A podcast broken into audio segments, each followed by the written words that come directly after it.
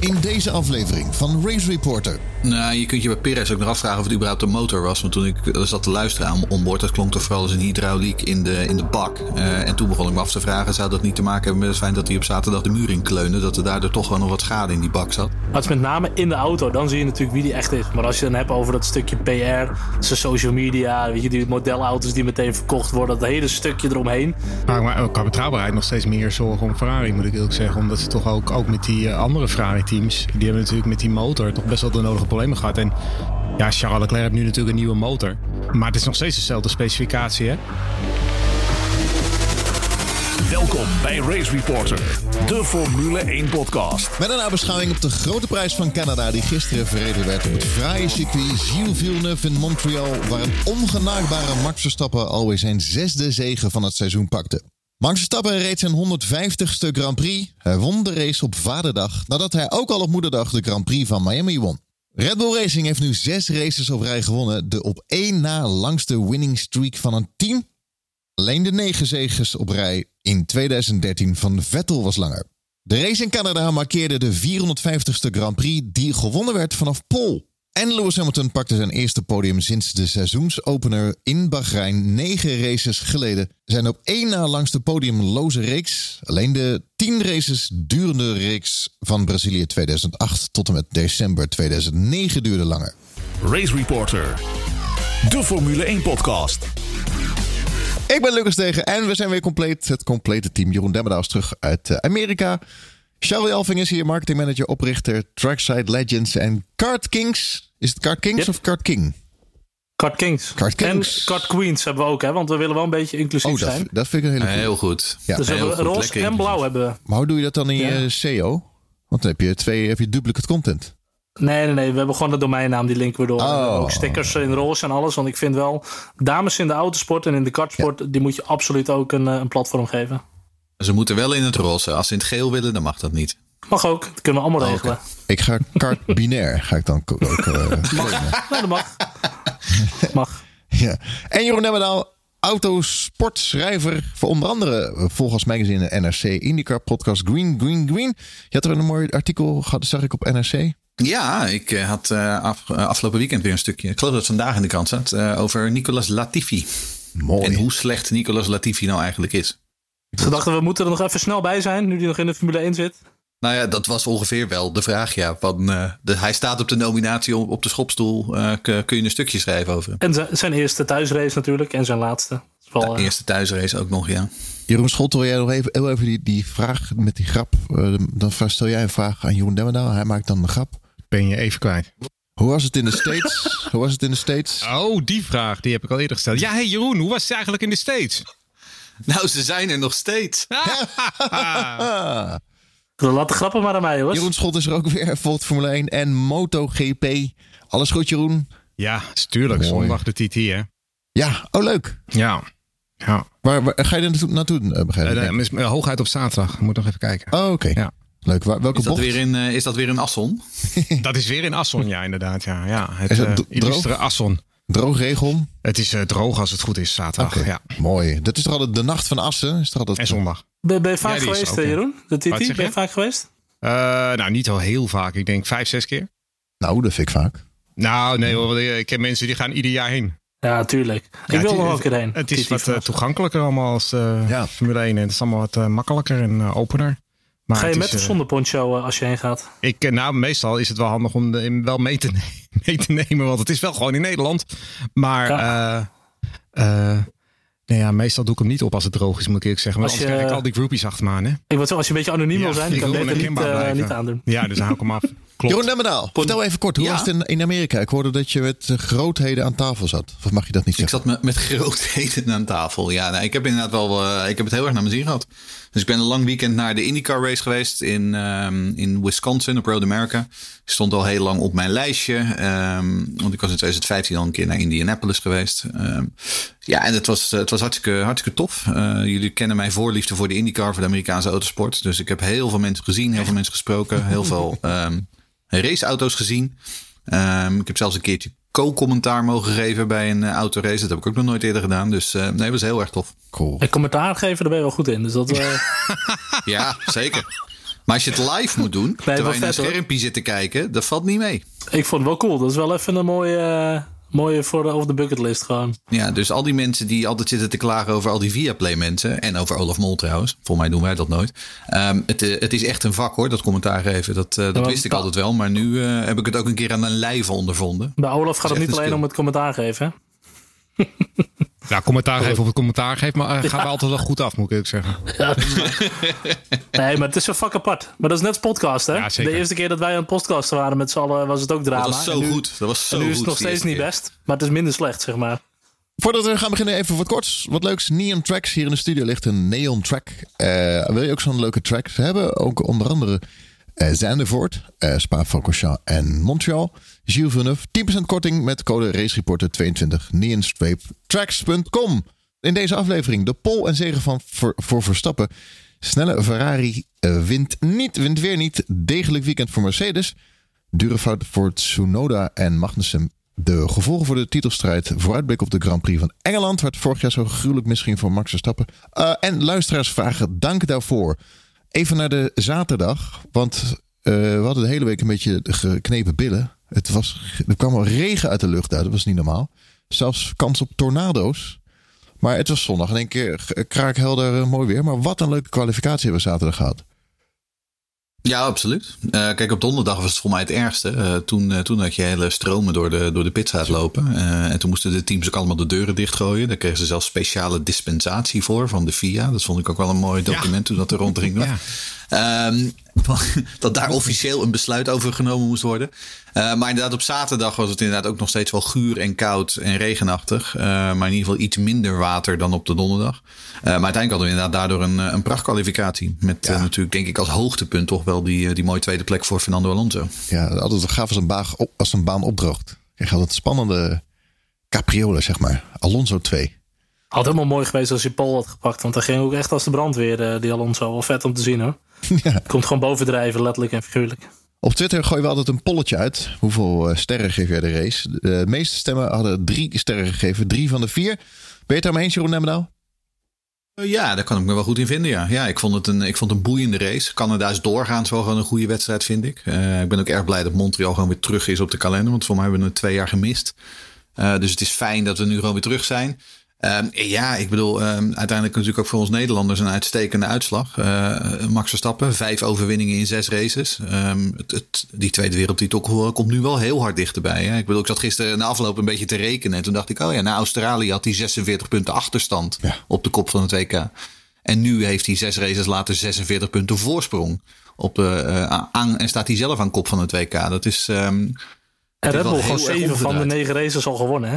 Ja, echt, echt heel erg. En, en Charles, Charles Leclerc sinds Miami niet meer op het podium gestaan. Sinds Saudi-Arabië niet meer gewonnen.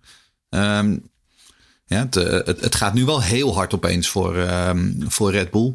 Aan de andere kant, um, dat zagen we natuurlijk ook met Sergio Perez. Uh, die betrouwbaarheid, dat gaat toch echt wel een dingetje worden dit seizoen. Want zowel bij Ferrari als bij Red Bull zijn er echt al een hoop stuk gegaan. Uh, voor mij al een stuk of zes.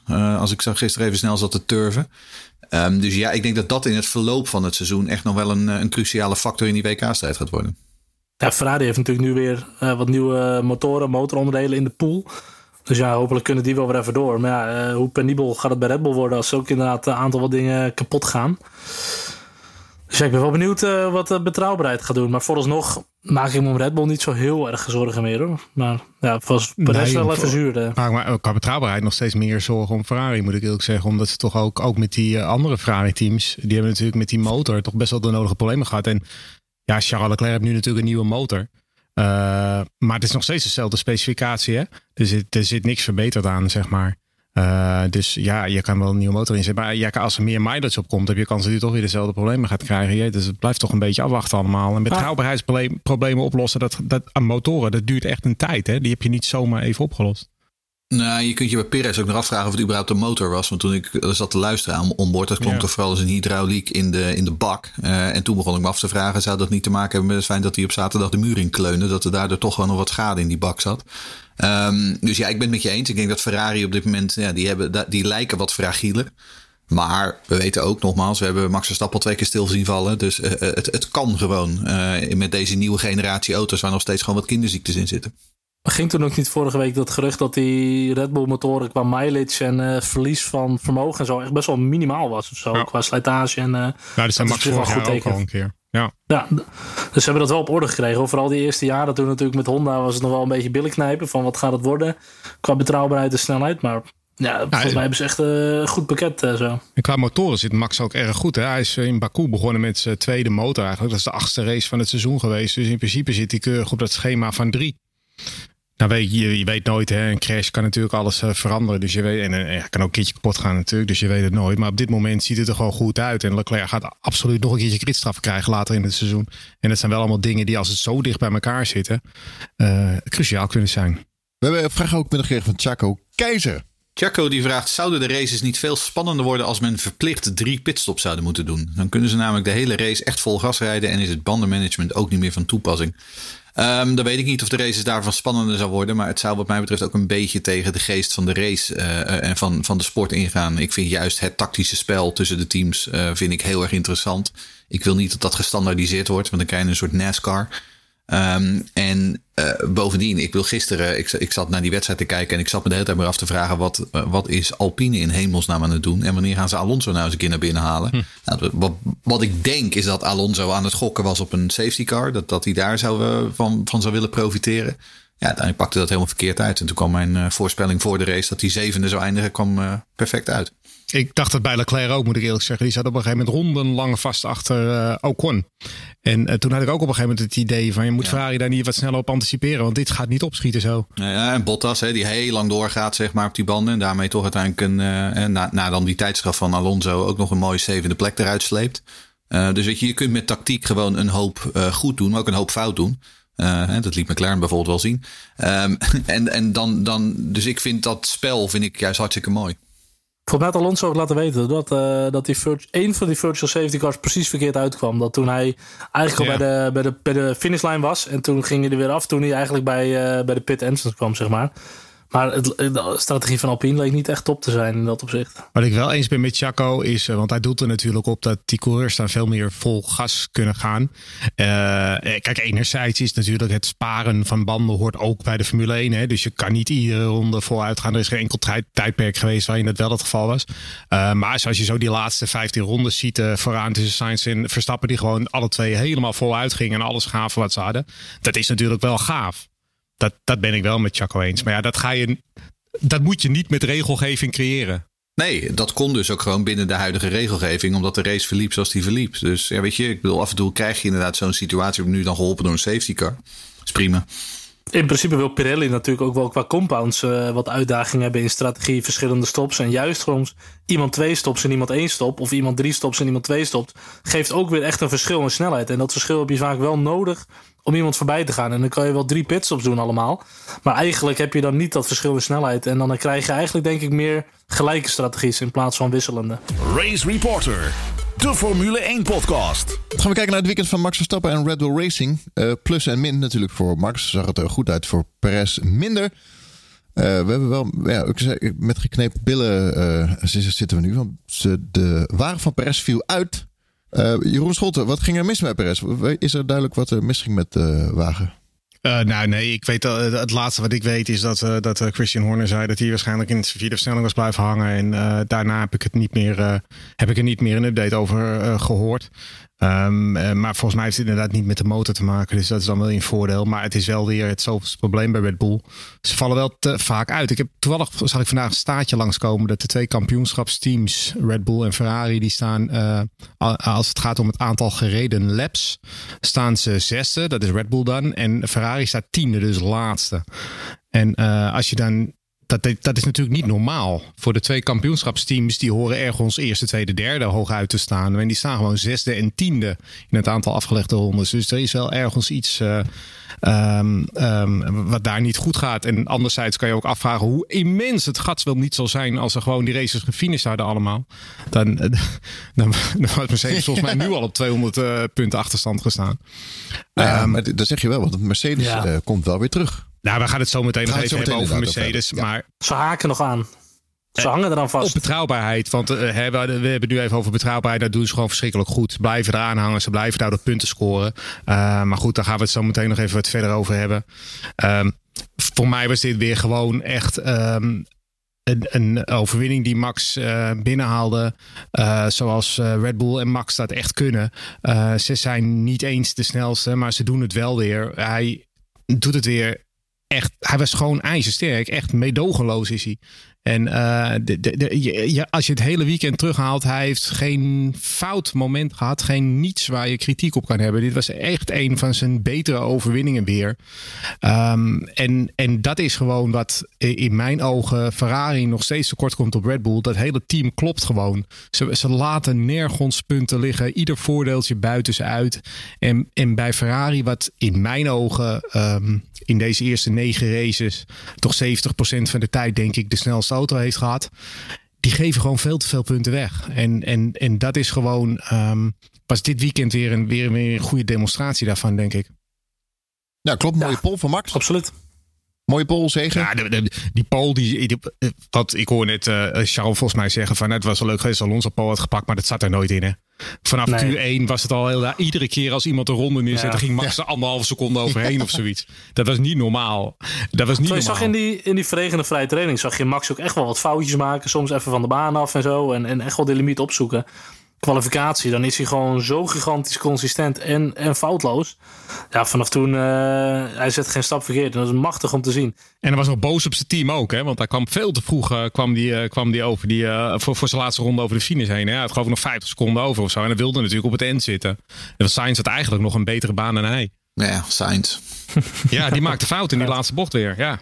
Ja. Ja. Nou ja, maar dat is het. Kijk, ik bedoel, en, en ik, eh, ik weet dat jij van de anti-Perez-brigade bent, maar ik bedoel, Red Bull heeft gewoon twee titelkandidaten. Leclerc heeft er één, uh, Ferrari heeft er één. Want Sainz doet, voor mij betreft, gewoon niet, niet echt mee om de wereldtitel. Ik weet je, ik bedoel, hij heeft nog steeds geen race gewonnen in dat ding. Um, hij staat vaker erachter dan dat hij, hij staat vaker verder naar achteren. Um, hij maakt te veel fouten. Um, nou, dan moet ik zeggen, dit was ook niet het weekend waarin Perez zichzelf in uh, glorie bekleedde hoor. Want ik bedoel, dat was natuurlijk gewoon een hele, hele dure fout die hij maakte uh, in die kwalificatie. Maar hè, hij heeft wel geloof ik al vier tweede plaatsen op zijn naam staan. Hij heeft al een overwinning gehad. Um, ik bedoel, hij doet het wel. Hij, doet, hij, hij dekt gewoon Verstappen af. Mocht Verstappen op een gegeven moment een keer stuk gaan een paar keer, dan is hij er altijd bij. Ik moet zeggen, ik vind Perez absoluut geen titelkandidaat. Het is echt puur nee. als Max gewoon echt uitvalt of een paar keer van de baan wordt geregeld of wat dan ook. Dat is hij dus wel. Je kunt op je kop gaan staan. Nee, maar je kunt op je kop gaan staan. Hij, wat, ik, wat ik van de week al zei. Hij, kijk, de odds voor Perez zijn veel, veel langer dan die voor uh, Verstappen en Leclerc. Maar je kunt niet zeggen met nog maar negen races te gaan. Uh, of nee, achter de eens, kun je eens. niet zeggen dat hij niet meedoet om de wereldtitel. Dat is maar echt realistisch gezien, onzin. zal Red, nee, tuurlijk, uh, absoluut. Als je hem ziet hoe hij het doet, hoe consistent, hoe goed hij het doet, uh, et cetera. Maar realistisch gezien gaat hij natuurlijk geen wereldkampioen worden. dan zal het eerder nou ja, tussen Max en is ook een keer wereldkampioen geworden. Dus wat dat betreft. Ja, maar die kan. had geen Max Verstappen in dezelfde auto naast zitten. En dat is gewoon nee, zijn dat, probleem. Nee, die, nee, dat is ook zo. Maar hij doet het goed. Kijk, als je ziet uh, Perez twee uitvalbeurten, Leclerc twee uitvalbeurten. En uh, Perez staat gewoon voor Leclerc. Maar realistisch gezien vind ik het dan nog steeds tussen Max en Leclerc aan. Ja, absoluut. Maar goed, voor mij gevoelsmatig uh, begint het toch echt wel uh, flink naar Max te kantelen. En niet voor een makkelijk kampioenschap. Maar als deze trend zich zo gaat doorzetten, dan, dan kan het best wel hard gaan hoor. En dat is het punt. Als deze trend zich gaat voortzetten. Kijk eens welke trends we in die afgelopen negen races al gezien hebben. Want na drie races waren we er allemaal van overtuigd. Even gekscherend dat, dat Charles Leclerc met twee vingers in zijn neus in de wereldtitel ging rijden. En dat ja. is wat ik bedoel. Ik bedoel, we hebben er nog, wat is het nog? 13, 14, 13 races nu? Nog 13. Ik bedoel, daar kan nog een hoop in gebeuren. Als er iets is wat we nou geleerd hebben van vooral ook vorig jaar. Het kan alle kanten op. En die, en die betrouwbaarheid speelt mee. Nogmaals, ik weet heus wel dat de odds voor Perez een stuk lager zijn dan die van, dan die van voor, voor Verstappen. Maar ik bedoel, hij, hij is nog steeds een dark horse. Van meer dan Sainz. Die tatoeage Max Verstappen 2020, uh, 2022 World Champion nog niet zetten? Dat zou ik zeker nog niet doen. Okay. Van 46 punten achterstand naar 46 punten voorsprong in zes races. Uh, Sander Wolbert heeft een vraag. Verstappen hoeft nog maar één zege te behalen om gelijk te staan met Jackie Stewart. Achten jullie hem in staat het record aantal overwinningen te verbreken? Uh, het is wel leuk dat hij dat vaak hadden. Ik had vandaag zo'n tweetje eruit gegooid over die, die aantal uh, behaalde zegens. En dat hij in de all-time greatest, uh, of dat hij in de aantal overwinningen heel hoog staat. Maar dat ik hem nog geen all-time great vind. Ja, dat, dat vind ik ook echt. Er kwam een leuke discussie op gang met mensen die er allemaal een mening over hebben. Nou, het is ook gewoon de pure mening, want er staat geen definitie voor. Al die meningen, daar moeten we echt eens mee ophouden. Ja, Iedereen heeft een mening. Ja, dit is ook een podcast vol met feiten. Maar het mooie van mening is, je hebt altijd gelijk, want het is jouw mening. Ehm, Maar achter jullie hem in staat om het record aantal overwinningen te verbreken? Nou, eh, ik denk eigenlijk niet. Want ik heb, eh, als je Max, eh, kijk, qua leeftijd en qua aantal overwinningen nu wel. Maar ik bedoel, als je Max door de jaren heen in interviews heeft gehoord, is dat helemaal niet iets waar hij mee bezig is. Qua statistieken en al dat soort dingen meer. Ik heb meer het idee dat Max een jongen is die op zijn 2, 33ste zegt van ik vind het mooi geweest en ik stop ermee. Ehm, maar goed, eh, dat kan veranderen natuurlijk. Maar ja, kijk, je 103 zegens. Dat, dan moet je ook je- dan moet je bijna 8 tot 10 overwinningen per jaar blijven halen. En dat 10 jaar lang of zo. Weet je, dat is toch zo ver weg. Joh. Ik, ik vind het onwijs leuk dat hij überhaupt al zo hoog staat. En eh, of hij dat kan halen, het kan. Maar ik, ik ben daar nog helemaal niet mee bezig. Ik vind het wel mooi hoe sommigen dat zeggen, generational talent. Dat is eigenlijk gewoon een talent wat één keer in de generatie, dat vind ik dan, weet je, een all-time greatest vind ik, vind ik zo heftig. Maar voor een generatie is hij echt een verreweg het grootste talent. Maar ik denk, voor, kijk, eh, Vettel zal die wel voorbij kunnen. Dus op plek drie, dat is echt wel haalbaar. Maar wat je al zegt, als je die, die 100 richting de 100 wil gaan, dan moet je echt zo vaak geluk hebben met een goede auto, een goed team. En bijvoorbeeld zo'n streak die Hamilton nu had, hoe de dominantie van Mercedes. Ja, als je dat weer nu een keer wil gaan doen, nog eh, weet ik dat vijf jaar, zes jaar achter elkaar, dat is echt pittig hoor. Die kans acht ik ook niet heel groot. Ja, aan de andere kant, want dat ik reageerde namelijk op een tweetje van Jeroen. Ik bedoel, als je mij tien jaar geleden had verteld dat Nederland meer Formule 1 overwinningen zou hebben dan Jim Clark en Nicky Lauda, dan had ik je volledig voor gek verklaard. Echt volledig voor gek. En zover zijn we nu. Hij heeft er 26 en Clark heeft er 25 en Lauda ook. Ik bedoel, kijk, die derde plek wat jij zegt, die gaat hij halen. Daar ben ik, wel, daar ben ik redelijk van overtuigd hoor. Die gaat de 53 overwinningen wel halen. Want wat, dat, daar gaat Vettel blijven staan. Die zie ik niet zo snel nog winnen in die Aston Martin. Dus hij gaat echt aan de 54 komen. Maar inderdaad, dan Schumacher op 91 en, en Lewis Hamilton op 103. Oeh, Dat zijn giganten. Ja, dat maar wat- zijn wel, dan, dan, dan gaat het wel heel hard inderdaad. Wat jullie alle- allemaal zeggen, het- boeit mij ook niet. Als, als ik denk aan Verstappen, denk ik aan die knotsgekke regenrace in Brazilië. Dat vond ik prachtig. Eh, winnen in, in, in Zandvoort, de Zandervoort. En kampioen Ja. worden. Die records boeit, boeit mij ook echt niet. Wat ik altijd het mooie vind aan Verstappen, los van alle, ehm, alles wat hij wint en alles wat hij goed doet op de baan en zo. En nou, dat weten we allemaal wel. Eh, vind ik ook zijn karakter gewoon. We hebben jarenlang hebben we hebben heel veel mensen altijd commentaar gehad. eh, ik ook zelf wel. Van joh, eh, er zijn zo weinig echte karakters nog zoals vroeger in de Formule 1. Maar Max is wel echt een hele rauwe jongen die gewoon echt puur is. Hij speelt niet echt een spelletje. Hij is niet iemand die met, met public relations bezig is of zo. Hij is gewoon wie die is. En dat vind ik, dat vind ik wel heel Ja. leuk. Maar het is met name in de auto, dan zie je natuurlijk wie die echt is. Maar als je dan hebt over dat stukje PR, zijn social media, weet je, die modelauto's die meteen verkocht worden, dat hele stukje eromheen, dat vind ik tegenwoordig niet zo boeiend meer. Juist die oude Max in die persconferentie, die echt gewoon rauw en ongegeneerd was. Maar die zie je nog steeds wel de- hoor. Ja, die zie je Ja, tussendoor wel. zeggen, ja. maar in de auto, in de auto zie je dan altijd de echte Max. En dat vind ik mooi. Gewoon op de radio. Wat, ik, wat, wat, wat mij altijd zo treft bij hem, is dat hij buiten de autosport heeft hij gewoon nul interesses. Wat er verder in de wereld gebeurt, interesseert hem echt geen hol. Het enige waar hij mee bezig is, is winnen, winnen, winnen, winnen. Ehm, en dat is wel in die zin, ik denk dat je ook wel zo brutal en ruthless moet zijn, zeg maar. Om zo goed te kunnen zijn als hij is op, wat is het, 24-jarige leeftijd. Ehm, en, en ja, ik bedoel, maar aan de andere kant, Hamilton, eh, toen hij zo oud was, die, eh, die hing nog met Pussycat Dolls in de rond en die interesseerde zich ook geen hol eh, voor de wereld om zich heen. Misschien dat het toch komt, misschien, dat, dat weet ik niet. En Vettel hebben we natuurlijk ook. Die was ook exact hetzelfde als Jong Jochie. Die was ook alleen maar bezig met winnen, winnen, winnen. Ja, nu loopt hij met, eh, met, met anti-olie oliewinning eh, boodschap op zijn helm rond in Canada. Dus in die zin, weet je, ook de, met, eh, misschien dat soort interesses komen ook met de jaren. Eh, maar ik ben het met je eens, het is, een, eh, het is een absolute winnaar. Het is echt een fenomeen met een hoofdletter. Het heeft misschien ook wel te maken bij Vettel, nu jij het zo zegt, zit ik aan te denken dat het ook komt omdat zijn resultaten gewoon al jaren minder zijn. En, en daarna, ja, hij is misschien ook met andere dingen bezig gaan houden, ook omdat het gewoon eh, de Formule 1 niet meer alles voor hem is. De, eh, want dat is niet meer, hij is eigenlijk wel, ja, hij is nog niet gestopt, maar eigenlijk is hij wel een jongen van het verleden, Hij toch? is bijna al wel gestopt, Ja? Bijna wel. eigenlijk ja, wel. toch wel, ja. Nee, maar als, we, als we kijken naar Michael Schumacher, wat deed hij in zijn vrije tijd? Eh, Dat weet, Ja, weet die trok zich terug niet. in zijn Zwitserse villa. Nee, ja, maar dat weet ze toch ook niet? landgoed. Die was er ook niet bezig Nee, maar met, dat, eh, dat, dat is ook hun goed recht. Hè? Daar was bij Schumacher altijd wel veel kritiek op. Dat hij altijd dat zo geheim hield. Maar ja, dat, sommige jongens willen dat gewoon niet. En dat is toch prima. De Formule 1 podcast. Race Reporter. De race van Ferrari, ik citeer, maar we waren sneller. Ja, dat, uh, dat zou ik ook zeggen. Uh, had Sainz de race kunnen winnen als de race langer had geduurd? Is een vraag die binnen, binnenkwam van El Degen uit uh, Haarlem. en een andere vraag, heeft Leclerc het kampioenschap al opgegeven, Charles? Hmm, had Sainz hem kunnen winnen? Nou, ik denk het niet. Ik had juist het idee, ja, natuurlijk in die laatste rondes nam je gewoon te veel risico. En uh, in die laatste doordraaier uh, fremde hij zich dan gewoon. maar nee, ik heb het idee dat Max toch wel wat zachter op de bandjes was. Ook al was uh, Sainz wel echt snel. Maar ik denk niet dat heel veel had uitgemaakt. En heeft Leclerc het kampioenschap opgegeven? Nee, natuurlijk niet. Die, dit, is, dit is zijn kans. Net als dat gisteren de kans voor Sainz was om een keer te winnen. Ik heb nog wel een hele goede vraag voor Charles. Want ik ben er zelf niet helemaal over uit. En, uh, of, of voor Jeroen. Maar was okay. die, die safety car... Was die nou gunstig of ongunstig voor Verstappen? Ik ben er zelf niet helemaal over uit eigenlijk. Nou, achteraf kijk in zijn hol. Ja, achteraf was die, was, die uitstekend, was die uitstekend voor Verstappen. Ook omdat hij natuurlijk ook gewoon zijn reputatie verder heeft opgebouwd. Door gewoon heel knap uh, die, die overwinning binnen te slepen. Uh, op het moment zelf was ik er nog niet 100% zeker nee. van. Dat was ook de reden dat ik dacht van, weet je, Max, bedenk, bedenk jezelf nou. Um, je bent in gevecht met uh, Leclerc en, en met Perez en niet met Sainz. Word dan maar tweede.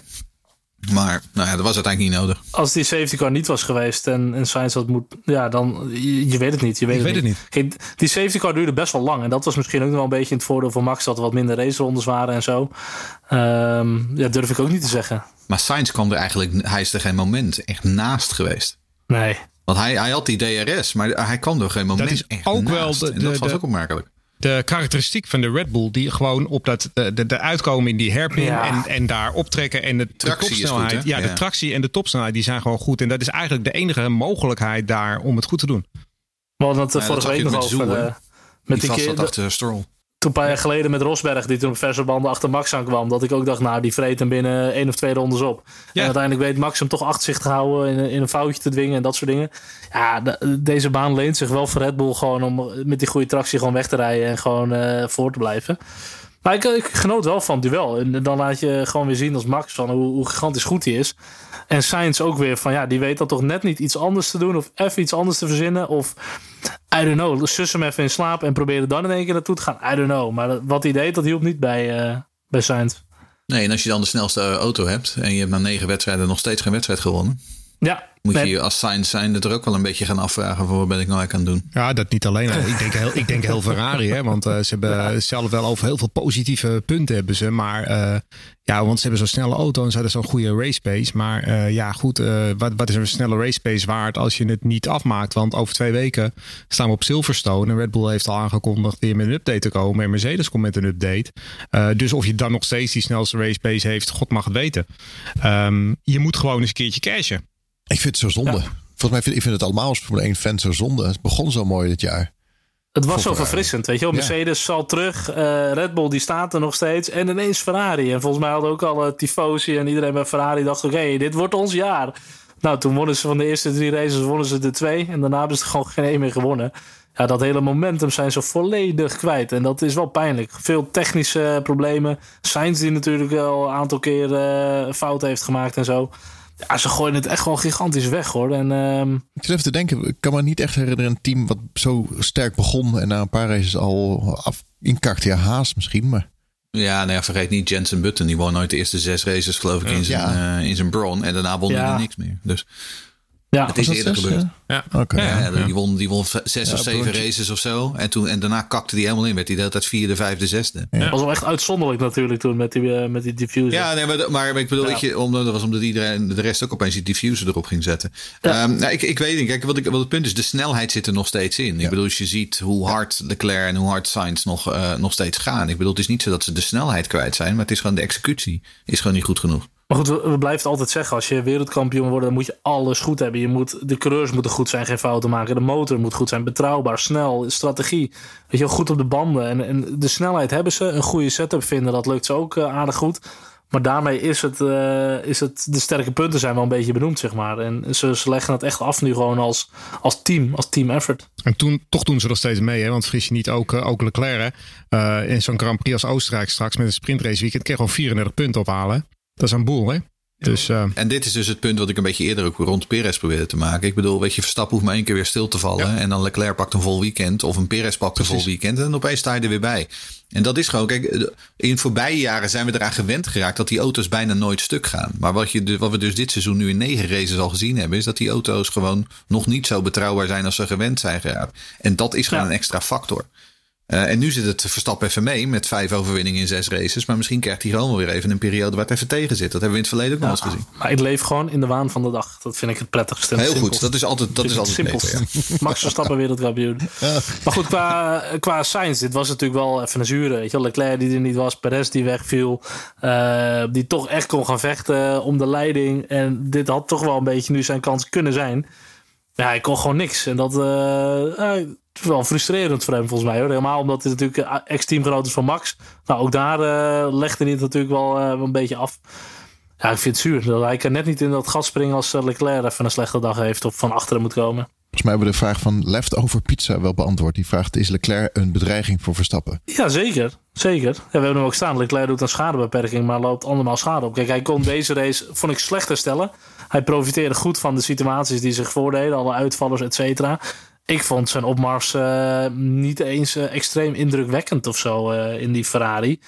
Maar blijft het een, een dreiging? Ja, tuurlijk, voor de komende races, voor het hele seizoen. ze zullen gewoon sterk blijven, Ferrari. Die zullen gewoon goed gaan. Die zullen er gewoon zeker staan. En wat Jeroen Demmerdaal net al zegt, het momentum kan ook zo weer anders zijn. Als Max een keer uitvalt of er gebeurt wat. Of, kijk, als Max zometeen ook een keer motorschade hebt en die komt in de problemen met het aantal onderdelen. En dan moet daarna ook nog eens een penalty pakken. Dan ben je gewoon twee races kwijt, zeg maar. Leclerc dus, is wel de voornaamste bedreiging, zou ik zeggen. Ja. ja, ja. De voornaamste bedreiging die er is. En als je dat dan bekijkt naar hoe het kampioenschap er nu voor staat, ja, dan uh, zit je op zich lekker uh, als je in Mazeik zit. Maar het ding is wel, uh, hij moet het wel nu gaan doen, hè? Je moet niet, je hebt nog vier races tot in de zomerstop, zeg maar. Als Max daarin nog verder wegloopt en daarna heb je nog acht races te gaan naar de zomerstop. Nee, dan is het wel klaar. Het Je moet nu echt wat terug gaan knabbelen van die achterstand. Kijk, op zich deed Ferrari het wel slimmer met die motor die ze hier pakte. En je had dan toch geregeld kwalificatie en zo. En dit is een baan waar je op zich uh, aardig door het verkeer kan komen. Dus dat hebben ze wel tactisch gedaan. Maar ja, verder uh, gewoon veel punten verloren. Race Reporter. De Formule 1 podcast. De zilverpijlen, het weekend van Mercedes. Positiever dan verwacht. Afgelopen weekend veel besproken over porpoising. Ze noemen het eh, tegenwoordig anders bij Mercedes. Hobbelen, geloof ik. Uh, VIA greep in uh, heeft Mercedes voor- of nadeel ondervonden, Jeroen Demmendaal? Nou, de FIA heeft sowieso niet zo heel erg ingegrepen zoals ze aanvankelijk van plan waren. Hè? Want er zou natuurlijk, het zou aanvankelijk veel strakker zijn en uh, ze gingen meten. Maar vervolgens wisten ze eigenlijk niet helemaal wat ze gingen meten. En toen hebben ze besloten om dat nog wat verder uit te stellen. Um, ik weet niet of, de, of Mercedes er heel veel voor- of nadeel van heeft gehad. Ik weet alleen dat ze twee verschillende vloeren hebben uitgeprobeerd. En dat uh, bij Hamilton zetten ze die vloer erop. En toen zei die van de auto rijdt nu nog slechter dan die voorheen deed. Wat dus ook wel een beetje in, uh, aangeeft um, dat Mercedes nog steeds niet helemaal weet wat daadwerkelijk het Precies, probleem ja. is. Dat dacht ik dus um, ook, ja. Ehm, ja, en, en, en dat, ik geloof ik dat we een vraag hadden van Bob van Valkhoef. Die zei van ja, uh, zonder budgetcap zou Mercedes support single issues al opgelost hebben. Ja, dat denk ik dus niet.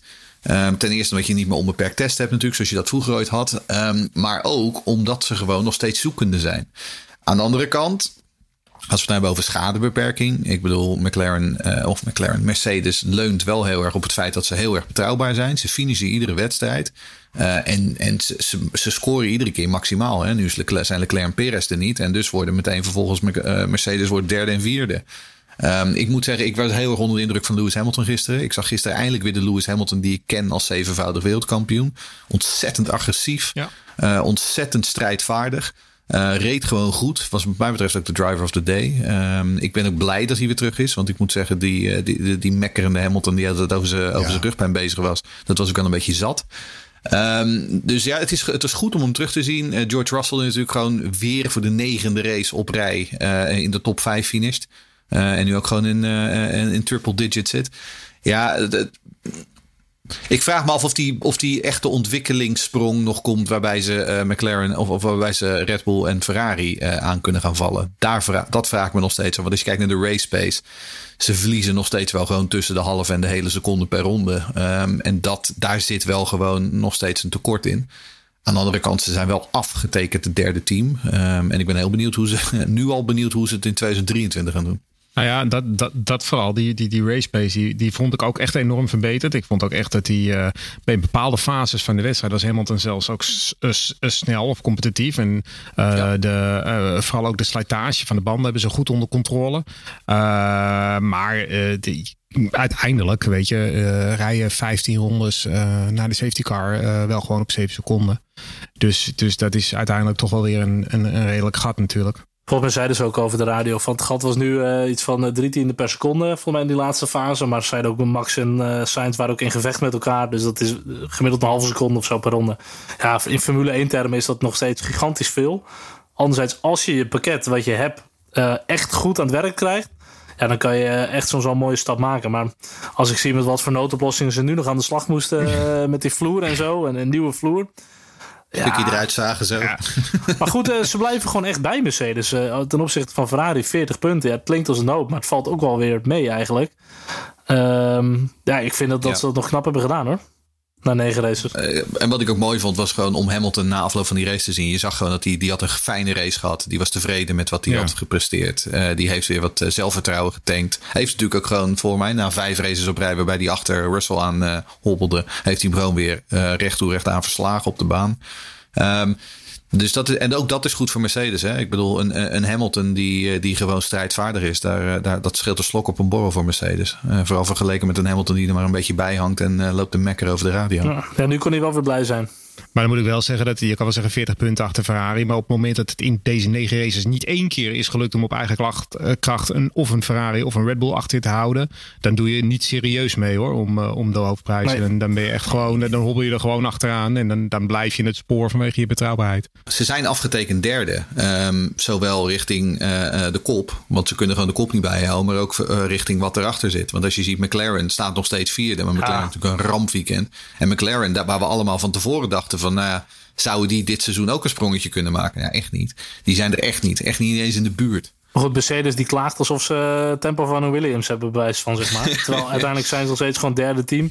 En kunnen ze de kruimels die de top 4 uh, laat vallen, kunnen ze prima oprapen. En de betrouwbaarheid. No, no. no, this is not right. Oh, ja, wat, maar wat, wat, wat vonden jullie nu van, van Russell? Die deed natuurlijk een gokje in de kwalificatie op de softbandjes. Dat je denkt, Mwah. Ja, hij zei, hij zei na afloop van, uh, dit was de enige manier om pole te halen. Ik, ik moet zeggen, ik zag die eerste, tweede bochten. Ik dacht, nou lieve jongen, dat wordt helemaal Precies. niks met je red.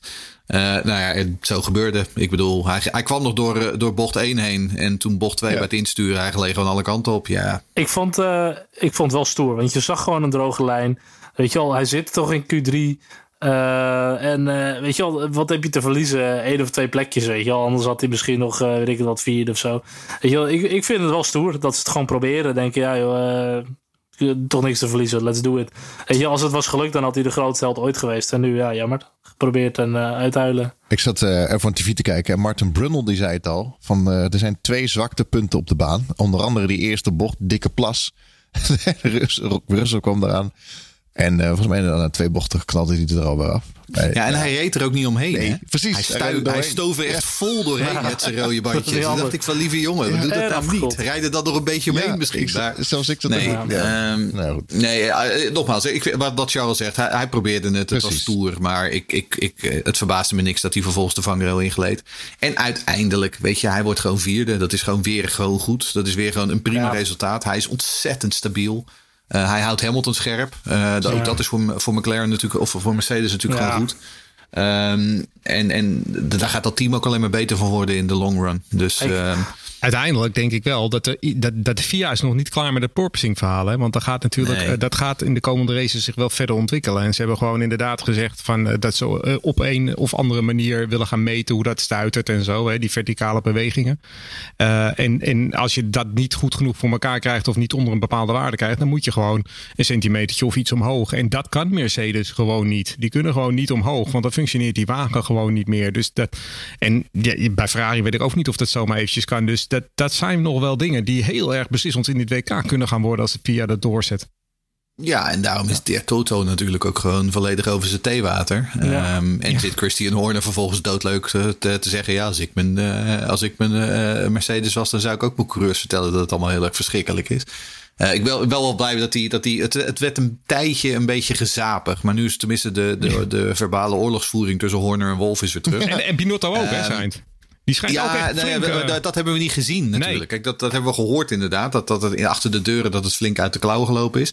Maar voor, voor de bühne zijn Wolf en Horner gewoon weer vol eh, met de degens eh, tegen elkaar eh, bezig. Degens, ik, ja, daar- word ik- ja, daar word ik- degens. daar word ik wel blij van. Ja, ik word daar blij van. Ik vind dat mooi. Ja, dat, dat is ook wel. Ik, ik, ik, vind het gewoon heel leuk dat Toto Wolf, die, die beschuldigt een andere teambaas van politieke spelletjes. Ja, dat vind ik gewoon. Ja, dat zou hij nooit doen. Ja, vind ik ook niet kunnen. Nee. Trouwens wel grappig dat de VIA niet weet hoe ze dat dan moeten meten. Maar dus je kunt er gewoon een doos eieren in die auto gooien. Dan kan je toch dat stuiteren kan je toch meten. is dan niet zo moeilijk. Nou, stel het voor. Moet ze, ze ze, ze, kunnen het wel, ze kunnen het wel meten, maar het ging meer om de vraag van ja, maar wat is dan een acceptabele waarde en wat Ja. is eh, te ver? En dat, daar, daar hadden ze uiteindelijk na overleg met de teams besloten ze van oké, daar hebben we nog iets meer overleg over nodig. Ehm, dus inderdaad, dat gaan we nog niet dit weekend invoeren, want dit werd ook alweer op een woensdag of op een donderdag dat voor is- het was ook een beetje een, eh. Dus een ook weer beetje een zoiets. testweekend. Maar ze gaan wel naar drie biljartlakens toe nu, hè? Dus eh, drie biljartlakens Nou, en, ik, en Dus- wat Charles zegt, ik denk wel dat er achter de schermen, dat ze al gewoon al begonnen zijn met meten. En dan gewoon eens kijken van, nou, hoeveel stuitert die Red Bull? Hoeveel stuitert die Mercedes? En op basis daarvan gewoon eens kijken wat dan inderdaad een acceptabele waarde zou zijn. Eh, en dat is natuurlijk waar Wolf zo ontzettend eh, eh, druk over maakt. Want ja, die ziet de bui al hangen. Die, die denkt dat hij straks een, zijn auto 20 mm omhoog moet schroeven. Ja, maar persoonlijk, ja, maar hij is wel de, de hele discussie begonnen. Maar persoonlijk vind ik het ook allemaal wel een beetje. Dat ik denk, jongen, jongen, zeg ze stuiteren wat en ze hebben wat pijn in de rug. Er zijn zoveel sporten waar je, waar je niet gezonder van wordt. Hè? Dus dat is, dat is ook wel, weet je, ik zie ze bij MotoGP, zie ik ze met gesproken sleutelbenen op die fiets, op die fietsen hangen, weet je. ja. En ik zie ze in het voetbal worden je knieën jongens, kom op. ja, en, Weet en, je? en, ik zit naar de, en als ik aan de IndyCar in Detroit zit te kijken, dan denk ik ook van, nou, op dat wegdek in, in Belhaal, daar word je ook niet wijs van hoor. Als Nee, je daar ja. overheen stuitert. Dus ik bedoel. Zo, die Formule Alpine, eh, die Formule Alpine crash in Zandvoort zag er ook niet heel gezond Ja. geloof. Nee, dat zal ook niet goed zijn. Maar goed, dat is dan zeg maar een, een ongeluk inderdaad. Ja, maar ik, ik, ik ben het inderdaad ook wel met je eens. Ja, het is een beetje... Hm, nou, Ja, hè. Tour de France sporters die zich helemaal volgooien met eh, doping en drugs en weet ik wat allemaal bloedtransfusies. Gaat ook niet helemaal best, hè? Ik bedoel, Nee, eh, maar dat was in principe wel tegen de regels, Charles. En dat Ja, dat was, dat was geloof ik Nee, illegaal. Ja. nee, maar het gaat erom. Je- we hebben het over dat sporters eh, soms hun lichaam helemaal kapot Ja, maken de- ja. om resultaten te behalen, zeg maar. Ongeacht of het mag of niet. Kijk, ik vind het nooit goed als iemand zijn gezondheid eh, ten koste van resultaten kiest. Maar, Maar eh, topsport is vaak niet heel gezond, hè? nee, nee daarom vaak gewoon sport ik ook aan. niet. Top Waarom wil sport vaak ik ook dan niet? eh, Marco van Basten of al dat soort mensen, weet je, die, die boeven ook sporten. En dat, dat gaat niet altijd helemaal lekker. Top podcast dan ook niet. We gaan, eh, we gaan even verder. Race Reporter, de Formule 1 podcast. Namelijk de gevecht in het middenveld. Dramatisch weekend weer voor McLaren. Alpine sterk, alleen eh, wat had ik begrepen? Alonso vijf seconden straf voor weaving. Eh, ja, vijf seconden straf voor Weaving die niet in beeld was. Ik wil net zeggen. Be- eh, dus ik was daar een beetje verrast door. Een paar uurtjes later zag ik dat ook langskomen ergens. Ik Hebben we heb nog vragen gehad over de regie weer? Eh, nee, maar die was slecht. Was weer slecht gewoon. ja, die was gewoon weer slecht inderdaad. Ja. De start was slecht gewoon. Je zag twee, ik heb twee rode lichtjes gezien. En toen het ja. licht uitging, eh, wat? Jij vraagt Wieven terecht. Ik, ik heb geen idee. Ik weet alleen dat, dat eh ehm Weaven, wat met Ja. AI is en niet met A. Hè? Want jij zegt waven, maar dat doet ze op het publiek. Op de tribune doen ze dat, waven. Ja, ja. Maar weaven, dat is dat slingeren, zeg maar. Eh, maar ik zag de laatste keer dat ik weaven zag, was toen Max Verstappen dat deed in Abu Dhabi. Klopt, klopt. En eh, die kreeg daar in mijn ogen terecht Ja. overigens geen straf voor. Ik weet niet wat al, hoe bond Alonso het heeft gemaakt om hier wel een straf voor te krijgen. Ja. Ik, ik durf het niet te Marcus zeggen. Eriksson deed het op Indianapolis. Al- Alonso Ja, deed wel ook, vrij, ja, vrij bond. Alonso die was hem gewoon echt aan het blokken, zeg maar. Gewoon. Het, was, het begon een beetje met Weave, maar op een gegeven moment wilde Bottas links. Toen ging hij even naar links. Ging Bottas naar rechts, ging hij weer helemaal naar rechts. Zij sloot wel echt dat gat gewoon. Dus ja, het, is, het is al zo vaak. Je moet reageer je op wat er achter je gebeurt? Of ben jij degene die de, die, eh, eh, de Ja. beweging initieert? Ja. Dat, is, dat is vaak... Ik vind soms eh, zeg maar zo'n slangbeweging wat je wel eens hebt. Dat ze elkaar in die slipstream volgen, vind ik oké. Maar zodra iemand er langs wil en je zet hem dicht. Ja. Voor mij heeft Max dat ooit een keer met Kimmy gedaan eh, op Spa. Ja, dat kan op een gegeven moment gewoon niet, want dan wordt het gewoon gevaarlijk. Ehm, maar ehm, Bottas zat ook meteen op de teamradio na de finish. Van hey, wat Alonso hier deed was gewoon gevaarlijk. Het team heeft ook gewoon meteen melding gemaakt. En eh, de stewards hebben daar gewoon... wel, het was vrij laat Nederlandse tijd nog volgens mij. Dat er een, het was na 12 uur volgens mij dat eh, die straf kwam. Maar op zich terecht. Ja, oké. Ja, ik heb het moment niet gezien, moet ik ik ook zeggen. Dus Ik heb hem ook niet later in de herhaling gezien. Dus ik eh, kan er Nou. niks over zeggen. Ik geloof het wel. McLaren, problemen met de kwalificatie. Problemen tijdens de pitstops. En problemen met de race pace. Nou ja, goed. Problemen. McLaren heeft gewoon echt een, een dramatisch weekend gehad. En het is, McLaren is echt een beetje ongrijpbaar dit jaar. De ene weekend hebben ze een, echt een sterk weekend. Eh, vorige keer nog in Baku volgens mij. En, en, en nu komen ze gewoon totaal niet aan te pas. Norris natuurlijk eh, in de kwalificatie ging die al eh, kapot. Hè. In Q3 heeft hij geen, of Q2 heeft hij volgens mij al geen serieuze ronde meer gereden. Ehm hij kreeg een tijdstraf voor te hard rijden. Dus ze, kregen, ze deden die dubbele, dubbele pitstop. Die gingen alle twee mis. Het was eerder een 1 3 4 stack was het. Kan dat? Ja, maar ook gewoon Miste een band. de race pace was ook echt dramatisch. En Ricciardo die zat ook lang vast. Die zei achteraf ook gewoon van ja, wij hebben gewoon. eh, die zat vast achter een Williams. En die zegt gewoon ja, die Williams die loopt gewoon veel harder op het rechte stuk dan wij. Want ze hebben gewoon echt. McLaren heeft een van de laagste topsnelheden van alle, alle teams. Wel dezelfde motor als Williams, maar wel een ja, veel meer drag blijkbaar. Eh, veel minder efficiency. En die lopen gewoon een stuk minder hard daar. Eh, maar ik, McLaren is gewoon in deze negen races dan weer goed en dan weer slecht. Ik, dit, dit- volgens mij hebben ze niet helemaal die auto goed door. Nee, maar het is wel lekker spannend rond, rondom die vierde plek. Oh, zeker. Drie ja. teams, drie teams binnen 14 punten. Dat is wel. eh Ja. Wat komt natuurlijk omdat Alpine natuurlijk ook gewoon een lekker weekend had. Eh, en die stonden er eh, voordat Alonso zijn straf kreeg nog dichter. Eh, maar Ocon die, blij, die scoort gewoon weer. Goed, hè, zesde Dat plek. ging wel lekker ook al. Ja. Ja, Ik vind het ook mooi dat hij en Hamilton de hele tijd bij elkaar op de, eh, in de buurt op de baan komen. Het is, de he- het is nu geloof ik wel drie Ja. of vier wedstrijden op rij dat je eh, Hamilton versus Ocon hebt. Kijk, ik zou nog geen, eh, geen fanclub oprichten voor de jongen, maar hij doet het wel goed door dit Voor seizoen. Hamilton Waarom niet? niet? Nee, oké. Ocon? Nee, maar Nee, eh, ik, ik, ik, vond hem gewoon, eh, ik vind hem gewoon weer, eh, weer, weer goed rijden. En, eh, ik vind Alonso soms dat ik toch denk, ehm, ja, gemiste kansen dit jaar van Alonso, die zijn legio inmiddels. En Die boordradio was ook zo heerlijk, hè? Een paar rollen voor het einde. ja, hij wilde nog even de Want ja, ik startte er toch voor. Ja, maar- En toen dacht ik, ja, maar dat is, ja, Ja. Dat is terecht je eigen schuld, eh, liever. ik, ik, ik snap niet op basis waarvan die ervoor had moeten eh, mogen. nee, nou ja, en, en, en Ocon die luistert Zijn legacy. ook naar dat soort teamorders.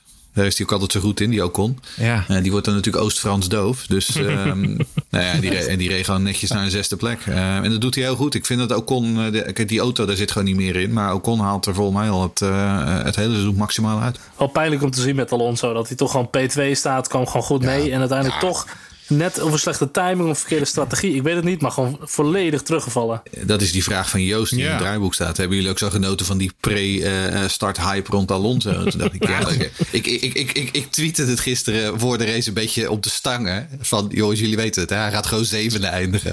Nou, vervolgens komt hij ook daadwerkelijk als zevende over de meter. Ja, maar jij doet winnen. elke week zo'n voorspelling. En nu komt hij eindelijk een keer uit. Over Alonso? Nou, dat is niet waar. Dat Nee, is, niet eh. Maar ik moet, ik moet wel zeggen, Alonso, dat mag nu zijn tiende wordt. Maar dat lukt ook, dat gebeurt ook maar. dat gebeurde dat Die niet. hype komt natuurlijk ook wel door Alonso zelf. Kijk, ten eerste, hij rijdt een goede ronde, daar niet van. Maar eh, ten tweede ook, eh, Alonso is natuurlijk wel echt een karakter ook weer. Een ouderwets karakter nog. En eh, hij, hij pompt er natuurlijk ook op in die persco. Van nou, ik wil gewoon eerst liggen naar de eerste bocht. Dus ik ga er vol voor en al dat soort dingen meer. Nou ja, goed, hij, had dan, hij is normaal gesproken een hele goede starter. Nu was zijn start niet super. Ehm, maar da- daar komt ook een beetje de hele hype door. En de hype is gewoon, omdat het, het was tien jaar geleden of zoiets dat hij, dat hij daar vooraan startte. Ja, dat, dat, dat is wel geinig toch voor een man van 40. En hij heeft, hij heeft die PR ook wel goed begrepen. Ja. Dat hele L-plan, dat hele L-plan, verhaal ja. natuurlijk. Ik bedoel, het- het- niemand weet wat het betekent. maar ik bedoel, iedereen Maar heeft het erover. even over, de, over de, de hype. Want hij is natuurlijk in Spanje, dat heb jij volgens mij gezegd, Jeroen Demmerau, in Spanje ook om het merk eh, eh, Alpine te promoten. De, de Nou, niet zozeer Alpine, maar ze gebruiken hem wel heel veel rond Renault. Ja, natuurlijk. precies. Eh, want Al- Alpine is natuurlijk het sportgedeelte van eh Renault Groep. En Renault is natuurlijk gewoon een grote Europese eh, autofabrikant. Dus ja, ze gebruiken hem heel veel voor de promotie van Renault. Ja, ja. En dat is het. Kijk, hij heeft commerciële waarde. En hij heeft nu ook, eh, onlangs heeft hij even slim gedaan, heeft hij een eh, persoonlijke sponsorship deal met Castrol afgesloten. Nou, dat doet hij ook wel weer even slim. Want dat is natuurlijk ook de olieleverancier van Alpine. Oftewel, als ze volgend jaar van hem af willen, dan zitten ze nog steeds met hem opgeschreven. Ja, maar we vergeten het het, is, een, vaak. het is een hele slimme jongen en hij Maar- speelt het PR-spel Ja, ook gewoon heel Formule goed. 1 is marketing. Is, is dat bewust absoluut. dat ook Alpine, dat als je die i even doortrekt, dat je eigenlijk ook gewoon El Plan ervan kan maken? Nou, Charles, Is dat, is dat zo? dit moet hem zijn dat- dan. Nou, ik, ik denk dat jij als marketingmanager, jij zal wel weten hoe dit werkt. Kijk, weet je, je krijgt natuurlijk gewoon zo'n branding agency. Die gaat gewoon eens kijken van wat kunnen we nu hier, wat kunnen we hiermee? volgens en mij dan was dit inderdaad, toch- als, je, als je een beetje gaat spelen met die letters in Alpine, ja, dan kom je uiteindelijk wel op L-plan uit. Maar ja. volgens mij waren dit toch ook vooral die fans die hiermee gewoon kwamen en die hiermee aan de haal gingen. Een beetje mysterieus. En uiteindelijk Ja, is weet het ik niet, dat weet ik veel niet, groter geworden dan Ik Alonso. Ja, ik dacht dat dit helemaal niet echt vanuit Alonso zelf helemaal kwam of zo, maar meer vanuit de fans.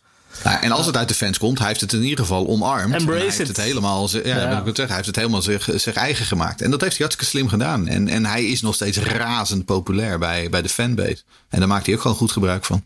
Ik vond het wel mooi. McLaren die had ook zelfs een tweetje volgens mij van eh, toen Alonso de laatste keer Paul had. Zo met zo'n hele jonge Lando Norris of zo. eh is ook weer unicum dat volgens mij McLaren eh, Alonso nog tagt en zo. Dat is natuurlijk allemaal ook niet helemaal Ja, lekker gegaan volgens mij. De man heeft al, al tien jaar natuurlijk eh, eigenlijk helemaal niks gewonnen en zo. Maar eh, de- die man die reed daarvoor was hij zo verschrikkelijk goed. Hè? Dat, moet, dat wordt ook wel eens vergeten. nee. En Die was echt verschrikkelijk goed. Dat vind ik echt absoluut een van de all-time greats. Ja, nou, echt een waanzinnige zeker. coureur. Kijk, ik weet onze, onze grote vriend Gino, die is echt ook helemaal een idolaat fan van, van Ja. Maar ik vind wel altijd, ik vond het wel gewoon vet. Weer. Ja, simrace team, hij heeft een karteam, een museum. eh, weet je, doet Dakar, doet Le Mans, IndyCar. Weet je wel. Ik vind hem wel als coureur, hij zit wel in die hele wereld. En dat, Ja. dat zie je niet bij veel andere coureurs die zoveel betekenen ook nog binnen, binnen de autosport. Hij is niet bezig per se met de wereld verbeteren. Ook niet alleen maar Nee. zoals Max gewoon lekker, eh, doei en ik leef mijn leven daarnaast. Ja, vind ik ook wel weer een karakter hoe, eh, hoe hij zich neerzet. Ja, zeker. Zeker waar. Even kijken, we hebben nog eh Magnussen. Ja, ja ik, eh, Haas. d- als we het voor goede karakters Vijfde en zesde, vijfde en zesde starten. Ja, als we gewoon goede- geen punten scoren. Goede karakters hebben, hebben we het ook over Kevin Magnussen. Maar ik moet eerlijk zeggen van... Man, man, man, wat doet hij daar nou weer in die eerste bocht bij Hamilton? Of die derde bocht bij Hamilton? Dat, wa- waar, waar slaat dat weer op? Het is hetzelfde wat hij in Barcelona ook deed bij Hamilton. Dat was al in bocht drie volgens mij. Eh, dat hij daar buitenom ging en, eh, en eraf ging. En hier ook weer. Hij beschadigt zijn voorvleugel op een totaal Ja. nodeloze wijze. Je vecht helemaal niet met Lewis Hamilton. Laat Hamilton lekker gaan, joh. Want als jij hem pakt, dan pakt hij je de volgende ronde alweer terug. Het is... En, en Magnussen is natuurlijk geen rookie, hè? Die, die loopt al een paar Magnus is weken ook mee. geen, maar Magnus is ook geen denker. Hè? Ach, Kevin. man. Het is geen denker. Nee, Nee, nee, het is nee, hij de kan heel hard stampen, maar het is geen Zo- denker. En dit is weer onnodig, zo, Zo. dom. onnodig. Ja. En ik vind ook als je, als je Gunther Steiner bent, want dat vinden we allemaal een leuke man. Als het goed is, dan gaat hij wel donderen tegen, tegen Magnussen hè, na afloop van je Ja. gooit gewoon punten weg. En dat jij als ervaren coureur van de twee mag dat niet doen. En het is de tweede keer dit seizoen dat je dat flikt aan Ja. het begin van de race. Misschien Het was ook zo, het was zo zonde dat hij hem zo eh, star naast Hamilton wilde houden. Weet je wel, natuurlijk, ik snap het. Je bent Formule 1 coureur, je race om elke positie. Maar je staat eindelijk met die auto weer gewoon dik in de top 10. Eh, weet je, pick your battles, choose your battles. En dan eh, misschien deze even niet, maar dan wel die auto gewoon thuisbrengen op eh, P6, P7. Prima. Ja. Maar het enige waar hij in de afloop over wilde praten was dat hij naar binnen werd geroepen door de FIA omdat hij zijn voorvleugeltje moest vervangen. Want er zaten alleen maar scratches op volgens hem. Maar dan wapperde het echt wat aan de zijkant. En eh, daar is die. eh, heet die vlag? Eh, ja, die, De meatball. eh, de ja. En die is daar ook gewoon meatball. voor. Dus ik was gewoon een goede call. Want voor hetzelfde geld valt het er wel af. En dan rijdt Max erachteraan, die rijdt zijn band lek. En dan zijn wij in Nederland allemaal weer overstuur. Ja. Dus. Nou ja, we, maar we hebben het net met Ferrari over executie en over goed uitvoeren. En ik bedoel nogmaals, als je vijfde en zesde start met z'n tweeën, dan kun je na, aan het einde van de rit gewoon niet met nul punten staan. Nee, dat. Dan heb je gewoon gefaald. Zo simpel is ja, het. ja, Mick Eh, Mick kan er niks aan doen. Nee, Mick kan er niks aan doen. Technisch probleem, maar dan nog. Ik bedoel, je moet gewoon, als je twee auto's in de, in de top 6 hebt, moet je daar punten uithalen. Eh, en dat hebben ze niet gedaan. En dat is gewoon echt een misser. Want eh, Tsunoda, die kwam de pits uit met koude bandjes. Die reed volgens mij gewoon recht door de muur in. Ik heb nog nooit zoiets gezien. Die is... Ja, er zit daar een bobbel Ik of bedoel- zo. Hadden ze het Ja, over. Na afloop. Sainz zei het eh, tegen, Ach, tegen. Verstappen. Na afloop ook. Maar, Meewind, whatever. ja, maar dan nog. Als je, hoe, de- hoe dan? Dan zag je met wat snelheid die richting die eerste bocht aankwam stuiten op zijn Ja, koude bandjes. ja. Ik bedoel nogmaals, dat leren ze je in de Formule 4. Ja, leren dit is- ze je dat af. Ja, dit is, dit is gewoon Taki Nieuwe die Nee. die ambulance daar, Maar- eh, de ambulancepersoneel aanrijdt. Dit is, dit is hetzelfde. Ongelooflijk. Nee, het was de- andersom. Hè. De, uh, uh, de ambulance Ja. Taki maar dat maakt niet uit. Nee, dat denkt iedereen, maar dat is dus niet zo. Maar kijk, er kwamen echt wel een aantal coureurs de pits uit en die echt eh, om, op positie aan het vechten waren terwijl ze de pits uitkwamen. En onder andere Max met Lewis en zo. Dan, dan snap je van, hé, als je dan net over de limiet gaat, want dan gaat het echt om elke meter, zeg maar dan. Maar Yuki, die had voor mij niet een, een direct iets of zo. eh, die, die kwam gewoon aanscheuren en gewoon jenkt hem gewoon vol rechtdoor bijna. Ja, dit, dit is echt een rookie mistake. En zelfs dan kan je dat eigenlijk in de Formule 1 al niet maken, gewoon zulke fouten. Nee. Ja, dat, het zijn wel dure fouten hoor. Dit Het is- zijn echt hele dure fouten. Dit is echt zo'n eh, zo, zo- zo'n moment die je altijd aan, eh, bij Yuki blijft hangen. Dit Ja. moment. Dat, dat, dat, Ja. dat bedoelde ik ook met die ambulance. Dat is zo'n moment, het blijft altijd aan je hangen gewoon. Dit is zo'n domme blunder.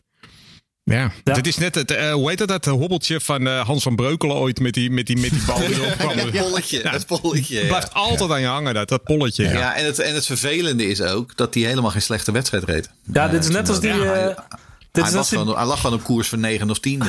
dit is net als die eh, brandstofslang bij Christian Albers. Die bleef ook Ja. aan hem hangen.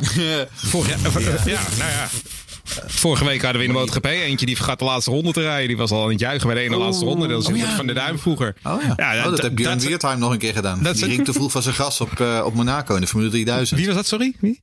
Eh, Björn Ja. Weertheim. Oké. Die, die, die reed, reed echt fluitend aan kop. En die ging gewoon alvast van zijn gas af, zeg maar. bij het uitkomen van de laatste Toen kwam bocht. hij zo. En toen ging hij iets te vroeg. En toen kwam de nummer 2 nog net voor eh, de finishvlag hem voorbij rijden. Ja, ja, de ja. tweede. Hier was het gewoon. Hij dacht gewoon dat hij al klaar was. En hij Of was was helemaal juichen voor de tweede plek. En Seedorf toen die zag hij allemaal mensen doorrijden. Dus hij denkt op een gegeven moment, nou, ga ik ook maar rijden. Maar. Seedorf die zijn penalty mist. Of vorige, vorige wedstrijd ja, Nederland penalties. Polen, Polen hadden ze ook een penalty gemist. Nou, dan vind ik dit moment vind ik daar gewoon helemaal bij horen. Het is echt totaal... totaal Hebben we nog meer blunders? Ik vind, ik het wel leuk. Kunnen we niet een blunder, blunder special doen? Een blunder special. Ja, dat is een goeie. Daar ben ik wel Ja, voor. Paul- Pastor Maldonado komt er wel Maar dan knip ik al mijn blunders eruit. Pastor, Pastor Maldonado krijgt een aparte blunder special. Wim Boele heeft een vraag voor Charles Jalving. Wim, over Alfa Tauri. Na de goede prestatie in Baku zakken ze nu door het ijs, terwijl deze circuits vooraf als vergelijkbaar waren bestempeld. Hoe verklaren jullie dat? Ja, ik heb toch het gevoel dat Baku wel echt een beetje een one-off was op dit moment voor Alfa Tauri. Eh, Baku deden ze het echt supergoed. En ook hier gingen ze eh, met, met Yuki helemaal niet zo slecht. Maar ze zitten gewoon niet, ze kunnen gewoon nog niet aanhaken bij Mercedes, niet bij McLaren. Ehm, ja, die auto is toch net niet, eh, denk wat ze van hadden verwacht. Dus ja, ik denk, zakken ze door het ijs? Ja, nee, ik vind ze gewoon het hele seizoen al niet heel sterk. En hier hadden ze dat nog een beetje kunnen verbloemen met, eh, met puntjes, maar eh, ze hebben het gewoon weggegooid.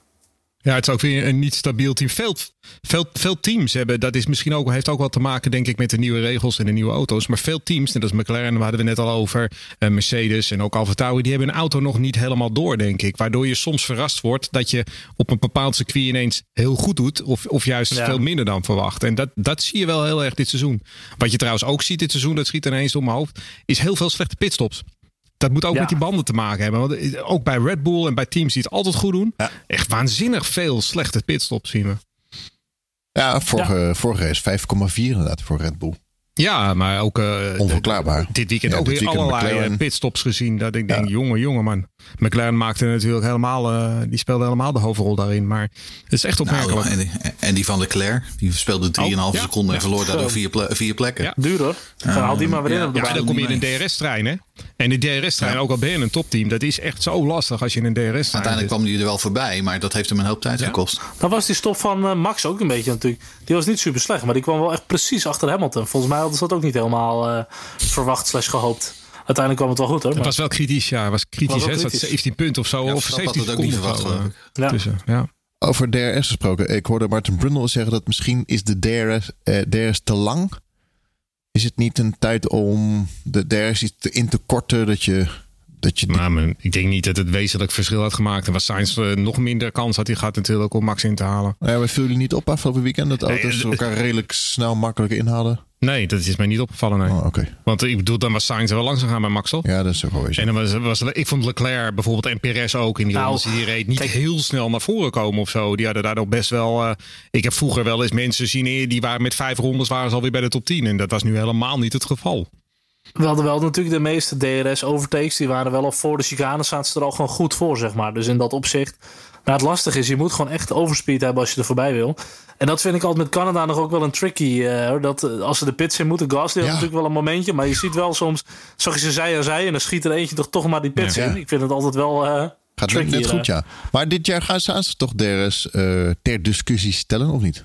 Nee. Nee, dat dacht ik. Nou, er zit voor mij zo'n werkgroep achter natuurlijk. Die gaat kijken altijd naar dat inhalen. En hoe ze dat kunnen bevorderen en stimuleren en behouden. Maar het liefst willen ze natuurlijk van DRS af uiteindelijk. Ja. Maar dat, Komende vijf jaar hebben we gewoon DRS hoor. Kijk, die nieuwe reglementen zijn natuurlijk bedoeld dat je dichter achter elkaar kan rijden. Minder drag en minder vuile lucht. Mm. Ehm, Misschien, maar eh, ik denk dat op dit moment DRS echt nog niet af kan van die auto. misschien moeten we een DRS-voorspelspel gaan, gaan doen. Voorspellen. Eh, Dat klopt ook wel. Ze rijden ook wel dicht achter elkaar. Ze kunnen elkaar echt wel makkelijker volgen. Beter Alleen die- volgen, ja. eh, het inhalen is nog steeds gewoon heel moeilijk. Ook door de, de, het formaat van de auto's. Ja. Nou, dat is het vooral. Kijk, en inhalen was vroeger ook al niet Nee, makkelijk. hoeft ook niet. Inhalen was nooit makkelijk. Nee. Het hoeft ook niet. Maar het, het zijn nu inderdaad wel wat ik zeg. Het is af en toe echt de Scania Cup. Het zijn zo groot, die dingen. Scania. We hebben een vraag binnengekregen van Ramon Kok. Eh, ja, Ramon die vraagt, jullie hebben al een aantal keer gemeld dat Red Bull niet veel in de pijplijn heeft qua F1-talent. Maar moet Yuki toch niet naar de rest blijven kijken als hij dit soort fouten maakt? Ehm, nou, wat Red Bull vooral niet heeft, is veel eh, talent dat klaar is voor eh, de Formule 1. Er zit heel veel talent in de pijplijn. Alleen de meeste van die jochies die zitten nog in de Formule 4 en de Formule 3. Ehm, in de Formule 2 inderdaad hebben we Daruvela, hebben we Lawson, hebben we Vips. Ja, kijk, ik, ik, ik, ik, ik denk dat Vips inmiddels al een keer klaar is. Want als we het nou hebben over domme fouten, ehm, daar heeft Vips er dit seizoen ook al een aantal van gemaakt. Liam Lawson is denk ik degene die dichtst in de buurt zit. Uh, Daruvela maakte vandaag bekend dat hij eh, voor het eerst Formule 1 gaat testen met eh, McLaren. In de oude auto.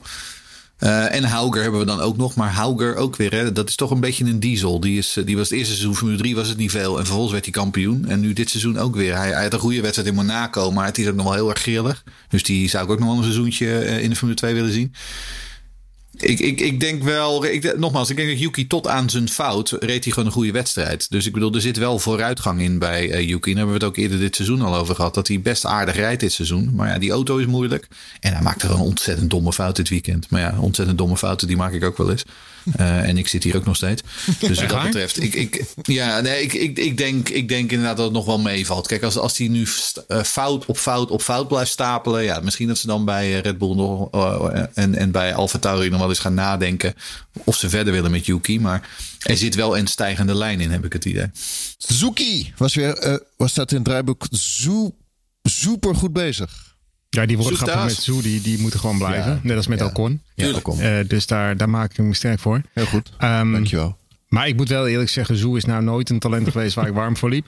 En uh, dat doe ik nog steeds niet trouwens. Ik ben nog steeds niet heel erg van hem onder de indruk. Maar ik vind wel dat hij het heel loop goed je wel doet. koud voor hem? Ja, ik loop wel erg koud voor hem, ja. Maar je moet wel echt uh, zoeken naar zijn talent. Dat wel. Hey. Nee, maar hij, uh, hij, doet het wel weer heel goed gewoon. Hè? Hij, hij doet niet heel veel fout. En uh, hij, maakte, hij pakte puntjes. Hij was sneller dan Bottas dit weekend. Hij was vorige weekend volgens mij uit mijn hoofd zeg ik ook sneller dan Bottas in de quali. Dat is al twee keer op rij uh, dat hij sneller was dan Bottas. Oh. Dus dat doet hij allemaal gewoon goed. Alleen wat ik, op zich was hij niet sneller hè? Wat ik op hem... Wat dan? In quali toch wel? Nee, hij was niet sneller. Voor de race was hij niet sneller, want hij finishte erachter. Ja, maar in de, Dus quali had ik het even over. Uh, Oké. Okay. Ja, maar uh, nu haal je me helemaal uit mijn verhaal. Ik had een heel mooi verhaal in gedachten. Dat is helemaal weg. Zo, excuses aan alle luisteraars. Maar okay. uh, dat komt door Charles. Uh, nee, maar wat ik wou zeggen is... Oh ja, dat. ik vind vooral... hij valt nooit op. Hè? Het is een, een beetje een karakterloze jongen die daar staat. En je moet ook een beetje jezelf ergens mee kunnen onderscheiden. Als persoonlijkheid of als coureur. Of waar de vroeger... nou ben ik zijn naam even kwijt, weet je, Japanse uh, Kobayashi. Dat was een jongen, die was ook niet super goed ja. of zo, maar die, daar hielden we van, want ja. die had wat. Die had die wat extra's, die had een X-factor. En uh, Zoe heeft helemaal eigenlijk niet zoveel. En dat, dat, dat is wel iets wat ik denk dat hem ja, wel parten gaat spelen. Hij valt niet op. Sato, inderdaad. Nou is, het ook, nou is het ook wel zo natuurlijk dat in die eerste zeven wedstrijden werkelijk alles wat stuk kon gaan aan die Alfa Romeo ging stuk aan die Alfa Romeo. Dus hij, het zat hem ook gewoon niet mee. Um, wat mij vooral een beetje tegenviel in deze wedstrijd is dat hij heel aardig begon. Maar vervolgens, um, ik weet niet hoe lang die vast heeft gezeten achter uh, Lance Stroll. Maar dat duurde wel heel lang. Um, en dat zorgde er ook voor inderdaad dat hij, zoals Charles zegt, uiteindelijk ook gewoon achter Bottas eindigde. Omdat gewoon die tactiek daardoor, um, die hij die, die, die in gedachten had, niet meer werkte. Uh, want ze hadden natuurlijk gewoon gepland dat hij snel uh, op zijn frisse banden Stroll voorbij ging rijden. En dat deed hij niet. En vervolgens zat hij daar heel lang achter vast en, en verloor hij gewoon kostbare tijd. Um, ja, wat spreekt in zijn voordeel? Het feit dat hij 30, 35 miljoen dollar meeneemt. Dat spreekt in ja, zijn voordeel. Ja. Um, zo simpel is het gewoon. Maar het is inderdaad verder een, een vrij kleurloze uh, jongen, ja. Uh, over kleurloos gesproken. Latifi onder indruk van Piastri-druk. Ja, onder ja, indruk, het daar nog over hebben? Enorme Piastri-druk. Nou ja, goed. Uh, dit, dit, uh, algemeen bekend, dat, uh, of tenminste algemeen bekend is het aan het worden... dat Piastri wel in 2023, 2024 instapt. sommigen zeggen eerder, toch Jeroen? Dat heb ik gehoord, ja. Ik heb allebei gehoord. Dat of het kan al per Silverstone gebeuren... of dat het inderdaad pas per 2023 gebeurt. Maar uh, dat hij op de schopstoel zit, dat is wel duidelijk. Ik, ik, ik Ze zeggen toch dat hij sowieso Formule 1 gaat rijden volgend jaar? Dat was toch al uh, gezegd nu? Nou, het is niet officieel nog gezegd, maar nee, dat mag je wel. Dat is wel wie had dat ook weer gezegd? Dat hij sowieso volgend jaar in de Formule 1 Ja, hè? Dat gezegd, ja. Ja, Ja, oh, dat wel, ja. En hij, moest, Dus hij, die- moet, ook, hij moet ook wel, hè, want anders zijn ze hem volgens mij kwijt. Hè, anders, bij, zijn ze hem, eh, anders zijn ze hem kwijt. Kijk, Ja. ze, Dan is hij zoek. niet. Eh, Ja. Kijk, wat, wat, wat Saf nou natuurlijk niet zei, is of hij naar Williams zou gaan of dat ze Alonso eruit Nee. trappen. Maar ik, ik denk inderdaad dat Alonso gewoon nog een jaar doorgaat. Dus dan zal hij wel naar Williams gaan. Maar ik moet wel zeggen, ik kan me gewoon niet voorstellen dat, dat, dat zo'n man als Latifi halverwege het seizoen eruit wordt gezet. Omdat het gewoon een paydriver is die gewoon 45 miljoen heeft overgemaakt. En zijn, zijn vader is een enorme zakenman. En die heeft echt juridisch alles wel op orde. Ja, vorige keer en die, ja. ja, Nou, ja, die ga je gewoon niet voor is het 20 inderdaad. miljoen droppen Kijk, of zo. Want voor 20 Nee, miljoen is voor hem wat voor ons 50 euro is. En als jij zo'n investeerdersfirma bent, waarom zou je inderdaad dat soort eh, geld ehm Ja, weggeven? Of zeg maar op opgeven? Ja, precies. Ja. Aan de andere kant, Ja. wie weet dat Alpine eh, zegt van wij staan voor de rekening eh, garant en wij betalen wat, eh, wij, wij leggen bij wat, wat meneer Latifi eruit haalt. Dat, dat- ik weet het niet. Ehm, feit blijft dat Latifi in een WK van 20 rijders 21ste staat. Ehm, en ja, die jongen heeft Ja. gewoon niet zo gek veel in de Formule 1 te zoeken. Zo, simpel. Hij heeft nu 48, 48 races op zijn naam staan. Ik vind het wel goed zo. Ja. Langer dan wat hij verdient eigenlijk op basis van talent. Dus eh, het is prima Ja. zo. Maar je weet niet wat voor stoelendans er volgend jaar nog gaat komen. Hè? Of een coureur ineens van team wisselt en dat er eh, toch een plekje komt. Ocon, I Daniel. don't know. Wat McLaren. Alonso gaat doen, eh, weet je wel. McLaren is vrij interessant. Dus ja, je weet niet. Ik- ik, ik denk dat hij bij beide kanten kan maken, Piastri. Als, hij, als er bij Alpine geen plekje komt, dan bij Williams. En als er bij Alpine onverhoopt plek is ineens, dan dat ze hem daar misschien erin zetten. Vond die van Demmerdaal wel goed. Gasly naar McLaren het eind van het jaar. Ja, daar geloof ik Dat niet vind ik in. Jeroen niet.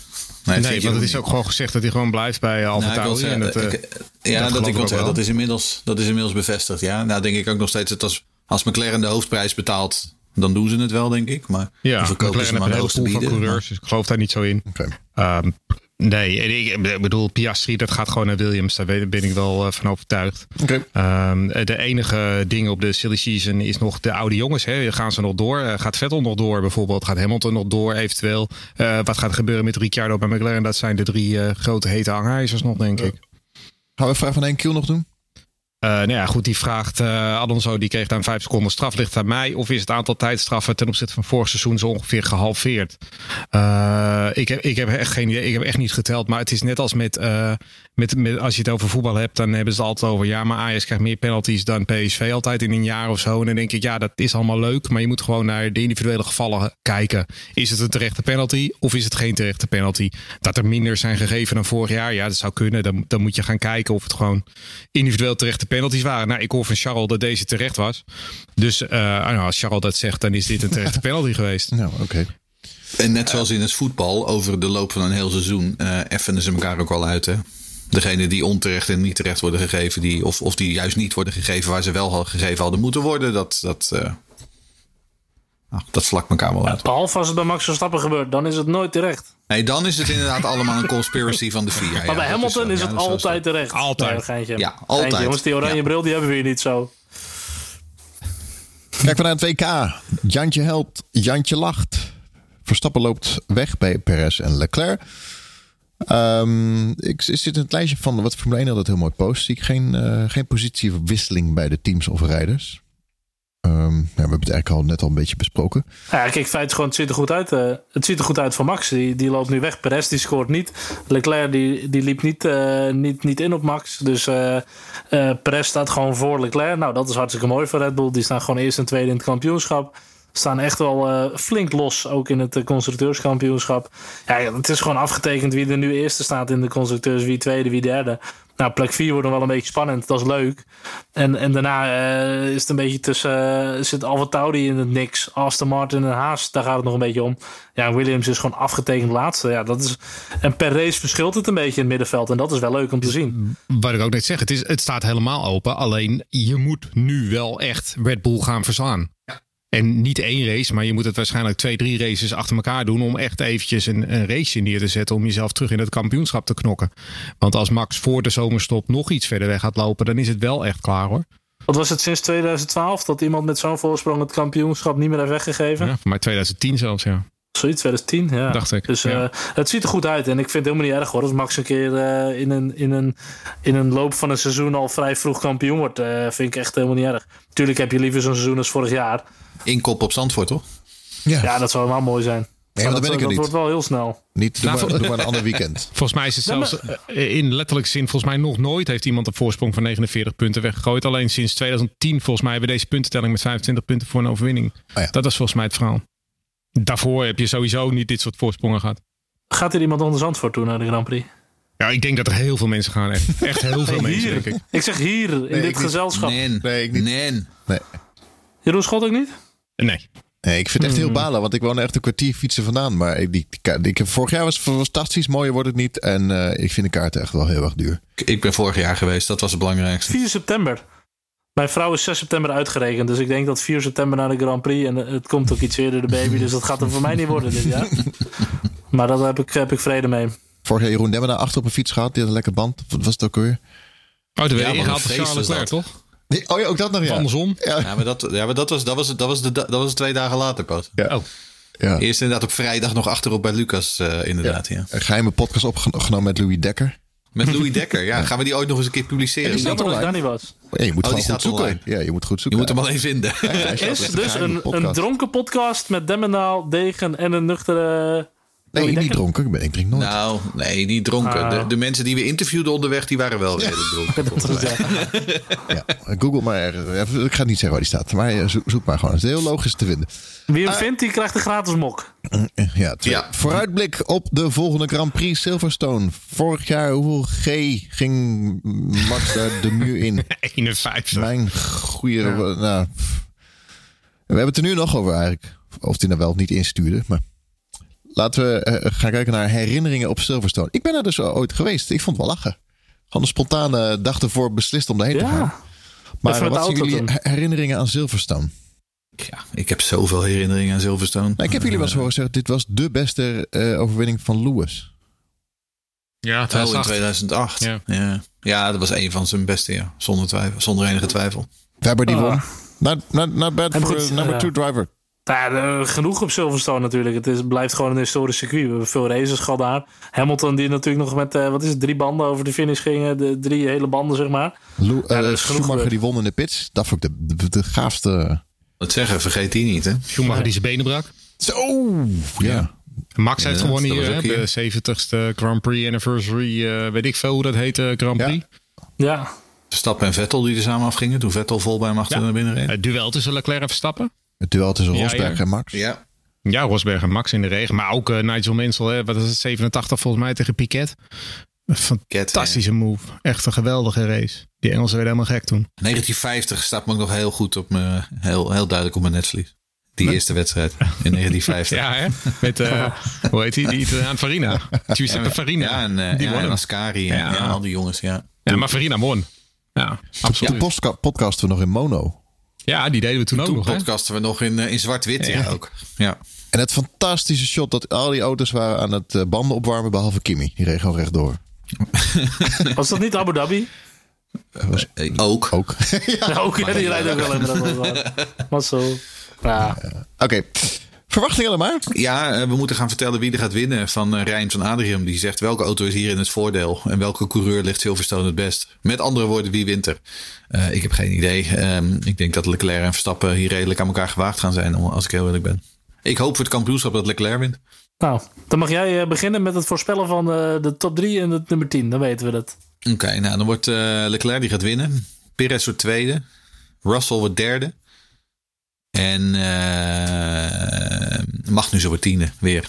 Lucas, zit je nou snel mee te schrijven? Nee, ja, ik, ik zei het vorige keer. Ik, eh, maar het, het, ik heb het ook zo'n idee dat Max een keer eh, als Perez kapot gaat. Ik hoop het natuurlijk niet. Maar, maar ja, mijn verwachting is ook wel dat Max kapot Nou, dan gaat. mag jij nu, eh, Lucas. Jij mag voor mij. Ai, ai, ai, ai, ai. Ik zeg dan toch Leclerc wint. Dan Perez.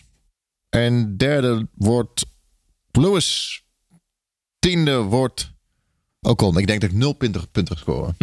Oh ja, ja. Oké, dan eh, zeg ik eh, Verstappen voor de winst. Leclerc P2. Perez P3 en Gasly P10. Ik ga dan voor eh, Max P1, Hamilton P2 en Leclerc P3. En eh, P10 wordt dan uh, Zoe. Doe maar. Oeh. Eh, we moeten nog ook zo meteen, hè, na dit dingetje wat je allemaal los opneemt, de, nog de leden die we wel eens vergeten. Onze, onze Ja, goldleden. Joost, ik krijg een klacht van Joost Ik- binnen. Ik heb ik doe speciaal... nu alvast. eh, Jan Joost. Ja. Oh, Jan Jan Joost. We Joost. doen alvast eh, een, een extra shout-out. Extra- een extra, shout-out. Nou, Jan Ja, die Joost. is top. Er zijn, er zijn er ook een paar die je geloof ik drie keer noemt. Ja, dat zou kunnen. Ze hebben ook drie keer gedoneerd. Grand Prix van Engeland, Great Britain. Vier uur kwalificatie. Dan de race 3 juli om vier uur ook.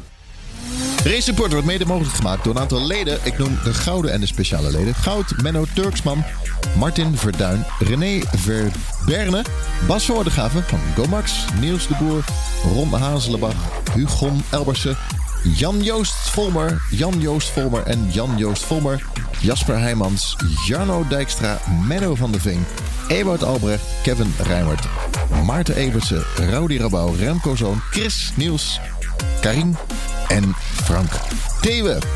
Speciale leden Annelies Bier, Ties Roodhart, Lotte Luiten, Etienne Peters, Chris van Ditshuizen, Daan Legrand, Harry de Groot en Lisa Kommeron. Wil je ook lid worden? Ga naar f1podcast.nl of eenmalige donaties zijn ook super welkom.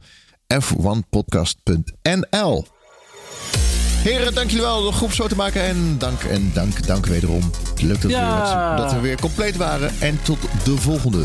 Later. Hoi, hoi. Groetjes. Hoi.